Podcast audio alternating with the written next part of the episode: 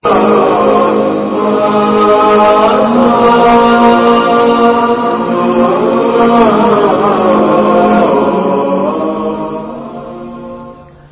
الله الرحمن الرحيم. والحمد لله رب العالمين والصلاة والسلام على سيدنا محمد النبي الكريم وعلى آله وصحبه أجمعين. أرحب بكم في استئناف حديثنا حول صناعة النجاح. هذا البرنامج يدور حول كيف ننجح كيف نكون سعداء وتحدثنا عن أن النجاح معادلة تشمل النجاح في داخل الإنسان والنجاح في علاقاته والنجاح بأن يكون معطاء صاحب إنجازات. ثم وصلنا إلى الحديث عن أن أعظم النجاح هو أن ينجح الإنسان مع ربه ينجح في آخرته. وقد بدأنا بالحديث حول أول مبدأ من هذه المبادئ وهو أن يكون الإنسان صاحب عقيدة سليمة يعرف لماذا خلق ومن خلقه وما مصيره كيف يحيا ما هدفه حرية الاختيار التي أعطيت له كيف يستغلها. هذه بعض معاني النجاح وهناك معاني أخرى مهمة جدا في النجاح الأخروي. بدون الإيمان سبحان الله لا توجد السكينة الإطمئنان الداخلي الارتياح. ألا بذكر الله تطمئن القلوب. الناس سبحان الله يعيشون في قلق قلق شديد. يحيط بالإنسانية يحيط بالبشرية من كل نواحيها قلق. بعض الناس قلق على نفسه يخاف من المرض ويخاف من الموت.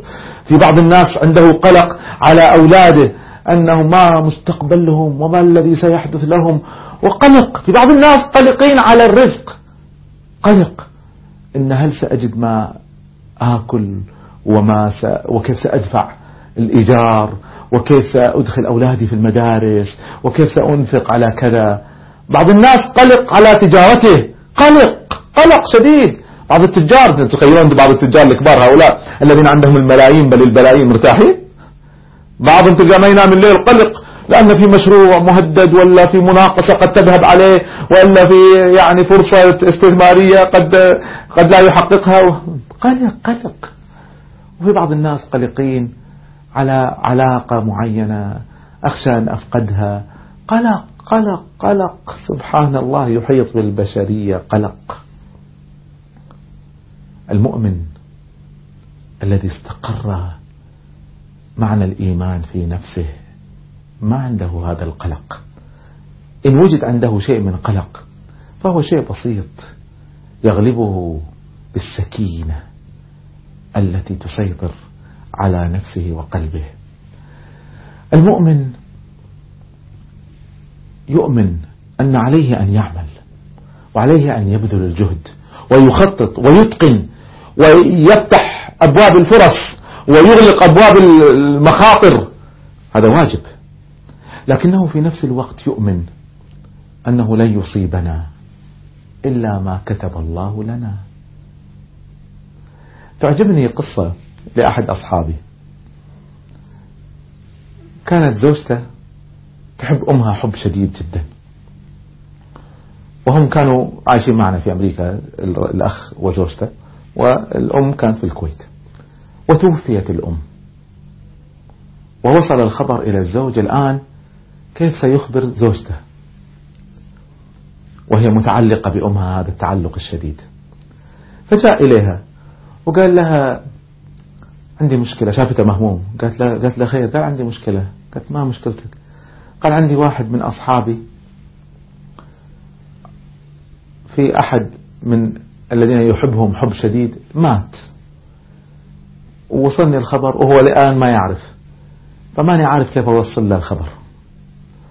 فأجابت بإجابة المؤمنة الواعية قالت قل له يعني أن الأمر بيد الله عز وجل. الله سبحانه وتعالى هو الذي خلق هو الذي أعطى وهو الذي يأخذ سبحانه. وأن الإنسان المؤمن ليست نهاية الدنيا نهاية الآخرة وأن إن شاء الله سينتقل عزيزه هذا من حياة شقاء وتعب ونصب إلى حياة إن شاء الله جنة وراحة. ما دامت ما دام هذا من الصالحين فلا يقلق. وأن المؤمن يجب أن يرضى بقضاء الله وبقدر الله عز وجل. بدأت تتحدث عن هذه المعاني فلما انتهت قال لها إذا احتسبي أمك عظم الله أجرك. فصبرت ورضيت. شوف المؤمن الذي يؤمن بهذه المعاني. سبحان الله كم من إنسان لما يفقد العزيز مثلا تبقى قضية الإنهيار والقلق تتجلى. ما في سكينة ما في طمأنينة تتجلى. بعض الناس لما يفقدون عزيز يبدأ يوسوس ويبدأ والآن سيأتي وما ينام الليل والكذا بينما المؤمن الذي استقر الإيمان في نفسه يعلم أن هذه الدنيا ليست هي النهاية. وأن ما عند الله خير وأبقى. وأن المؤمن إذا صبر فأجره عظيم إنما يوفى الصابرون أجرهم بغير حساب.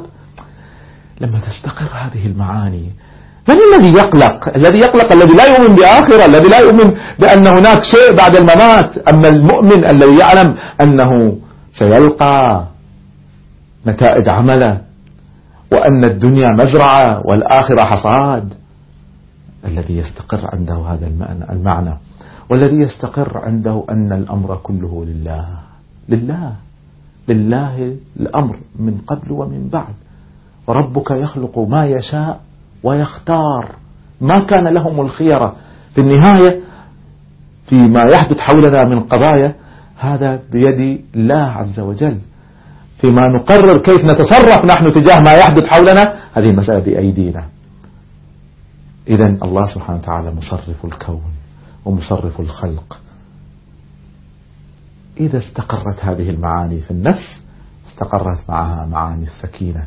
وإلا سيحدث القلق والوحشة والضيق والحسرة تتجلى في النفس الإنسانية. هذه المعاني علاجها في الكلمات التالية. في القلب شعث لا يلمه إلا الإقبال على الله. وفيه وحشة لا يزيلها إلا الأنس بالله. وفيه حزن لا يذهبه إلا صدق معرفته. وفيه قلق لا يسكنه إلا الفرار إليه. وفيه نيران حسرات لا يطفئها إلا الرضا بقضائه وفيه فاقة لا يسدها إلا محبته ودوام ذكره وصدق الإخلاص له. إن في القلب لوحشة لا يملأها إلا الأنس بالله.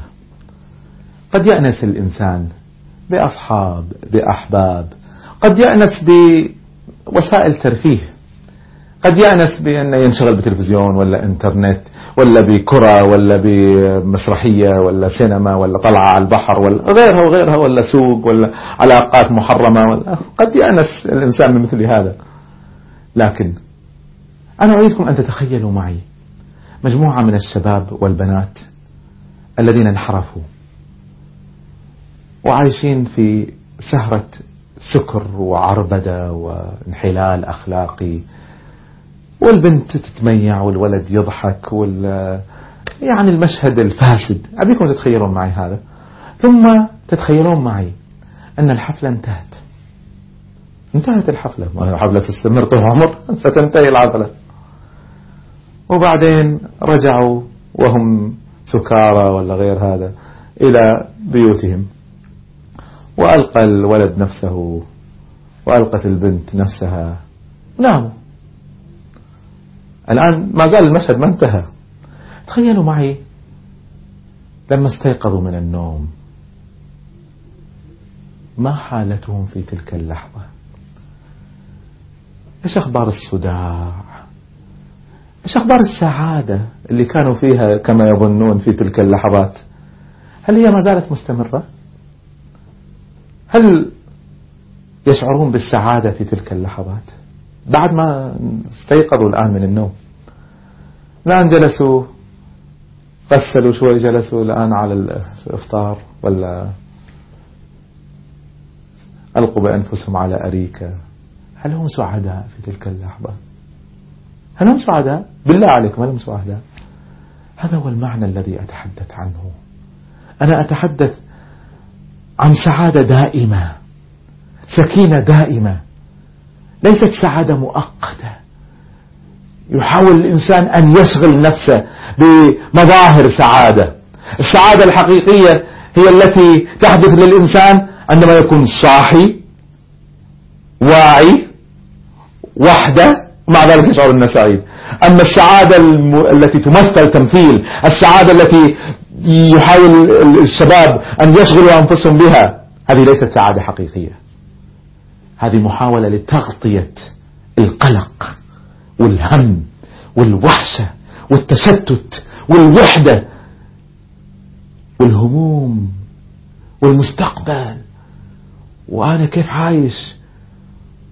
والأمراض وغيرها. هذا الهم الذي يحيط بالإنسان فقط المؤمن.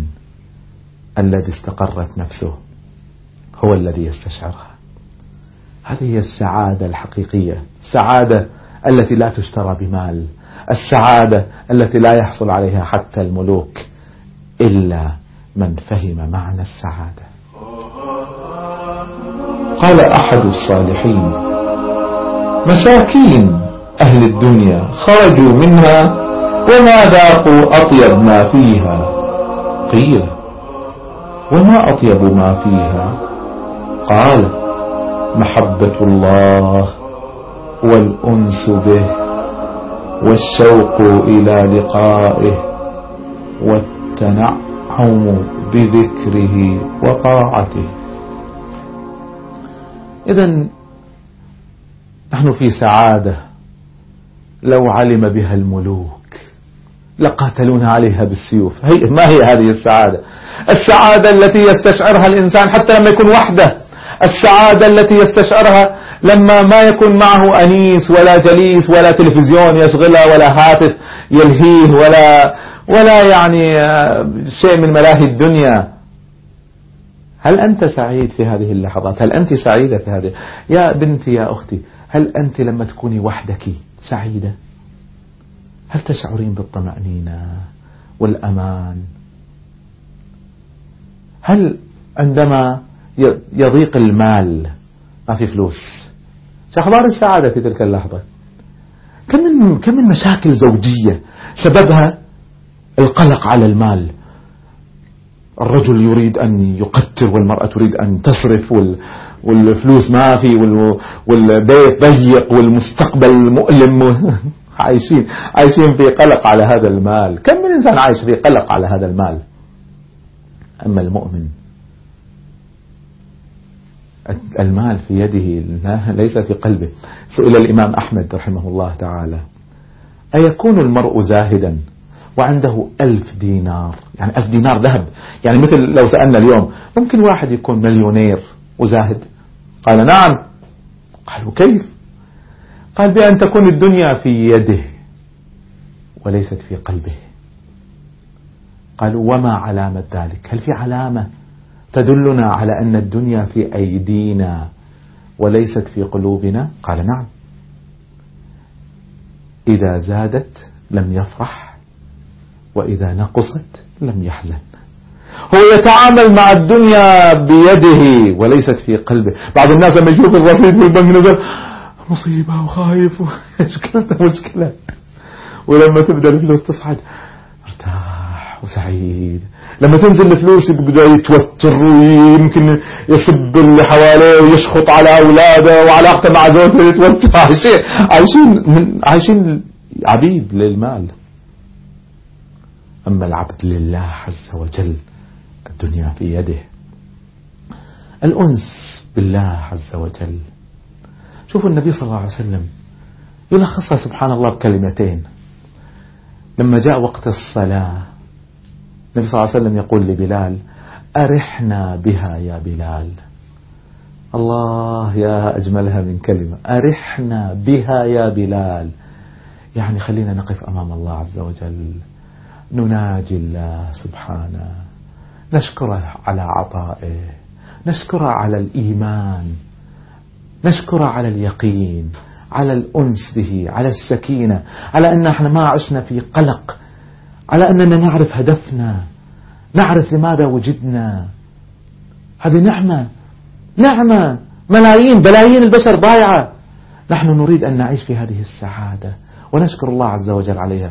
فنقف بين يدي الله عز وجل بكل سعادة وبكل أريحية وبكل اطمئنان. ألا بذكر الله؟ تطمئن القلوب. بعض الناس يتعاملون مع الصلاة أرحنا منها. يعني خلينا نصلي عشان لا يحاسبنا الله عليها يوم القيامة. هي الصلاة الصلاة أعظم من هذا. الصلاة سبحان الله منهج حياة. هذه مناجاة الله عز وجل منهج حياة. الصلاة إذا استقرت في النفس معاني العبودية ومعاني الاتصال ومعاني المناجاة والنجوى مع الله عز وجل. أن يقف الإنسان بين يدي الله يقول اللهم لك الحمد اللهم لك الشكر أعطيتني رزقتني رزقتني المال رزقتني الأهل رزقتني الصحة. كم من إنسان محتاج أن يعرف نعمة الصحة؟ كم من إنسان يتمنى الولد ولا يتمنى الزوجة ولا يتمنى العلاقة الحميمة. كم من إنسان يتمنى يتمنى الوظيفة يتمنى الرزق يتمنى أنا الحمد لله أعطيتني رزقتني. فيشكر الله عز وجل. كم كم لحظات أنس هذه التي يعيشها الإنسان. فإذا أضفت لها معاني التأمل والتفكر هنا ترتقي في المراتب العالية. قفوا معي ومع هذه الآية. الذين يذكرون الله قياما وقعودا وعلى جنوبهم ويتفكرون في خلق السماوات والأرض. ربنا ما خلقت هذا باطلا. سبحانك فقنا عذاب النار. شوفوا يذكرون الله دوما. الله الله الله على لسانهم. اجعل لسانك راطبا بذكر الله. الذي خلقك الذي أعطاك الذي رزقك. ليس فقط لأنه شكر وإنما لأن الذكر بحد ذاته سعادة. الذكر اطمئنان للقلب. ألا بذكر الله تطمئن القلوب. بدون الله لا تطمئن القلوب. يتفكر يذكرون الله قياما وقعودا وعلى جنوبهم. شوفوا من عظمة الإسلام الذكر من أعظم العبادات التي ليس لها وقت وليس لها شكل. على أنت نايم بوضوء بغير وضوء. اذكر الله عز وجل اذكر الله. مستلقي جالس في السيارة بدل ما تنشغل لك بشيء فاسد ولا كذا انشغل لك انشغل لك بذكر. ثم أن هذا الذكر يصنع لك المعجزات يوم القيامة. من القصور والثمار والأشجار التي تغرس لك بذكر الله عز وجل. الذكر جزء أساسي من صناعة السعادة وصناعة النجاح ذكر الله عز وجل. سواء من الإنسان لو أسدى لك نعيمة نعيما فضلا تشكره. وتودي رسالة شكر يمكن درع تذكاري وتذكره دائما أمام الناس. كيف بالله؟ بالله الذي أعطاك كل شيء يا, يا مؤمن يا مؤمنة. تفكروا في نعم الله عليكم وإن تعدوا نعمة الله لا تحصوها. ألا تستحق منا أن نذكر؟ وأن نتفكر ونتأمل في هذا الخلق العجيب. هذه الأرض اللي إحنا واقفين عليها الآن. نحن نعلم جميعا الآن أنها تدور تدور بسرعة خطيرة جدا. وليس فقط تدور وهي تدور حول نفسها تدور حول الشمس. طيب كيف نحن واقفين عليها؟ ما نحس بهذه الحركة؟ هذا هذا الإعجاز. ألا يستحق ذكر ألا يستحق تأمل ألا يستحق شكر ويتفكرون في خلق السماوات والأرض. ربنا ما خلقت هذا باطلا؟ سبحانك فقنا عذاب النار. هذا هذه المعاني عندما تتجلى. تتجلى معاني السكينة. أنا أنا لعلي أطلت في الحديث حول هذه المعاني لكن لهدف أنها هذه السعادة الحقيقية هذا هو النجاح الحقيقي. التأمل المبني على إيمان ويقين الذي ينتج عنا ذكر وينتج عنا صلاة وينتج عنا استقامة. إن الصلاة تنهى عن الفحشاء والمنكر ولا ذكر الله أكبر. أكبر في النهي في النهي عن الفحشاء والمنكر.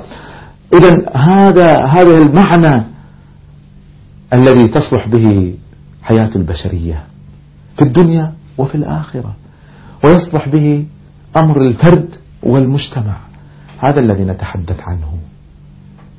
بدون هذا يا أخواني يا أبنائي يا بناتي بدون هذا تستقيم الحياة. بدون هذا ما يحدث النجاح. بدون هذا الذكر والتجلي والتأمل والمناجاة والشكر. بدون هذا تنحرف حياة البشر وتضيع. اذكروا الله يذكركم ولا تكونوا ممن نسوا الله فنسيهم. مزيد من معاني صناعة النجاح في لقائنا القادم إن شاء الله. فالسلام عليكم ورحمة الله.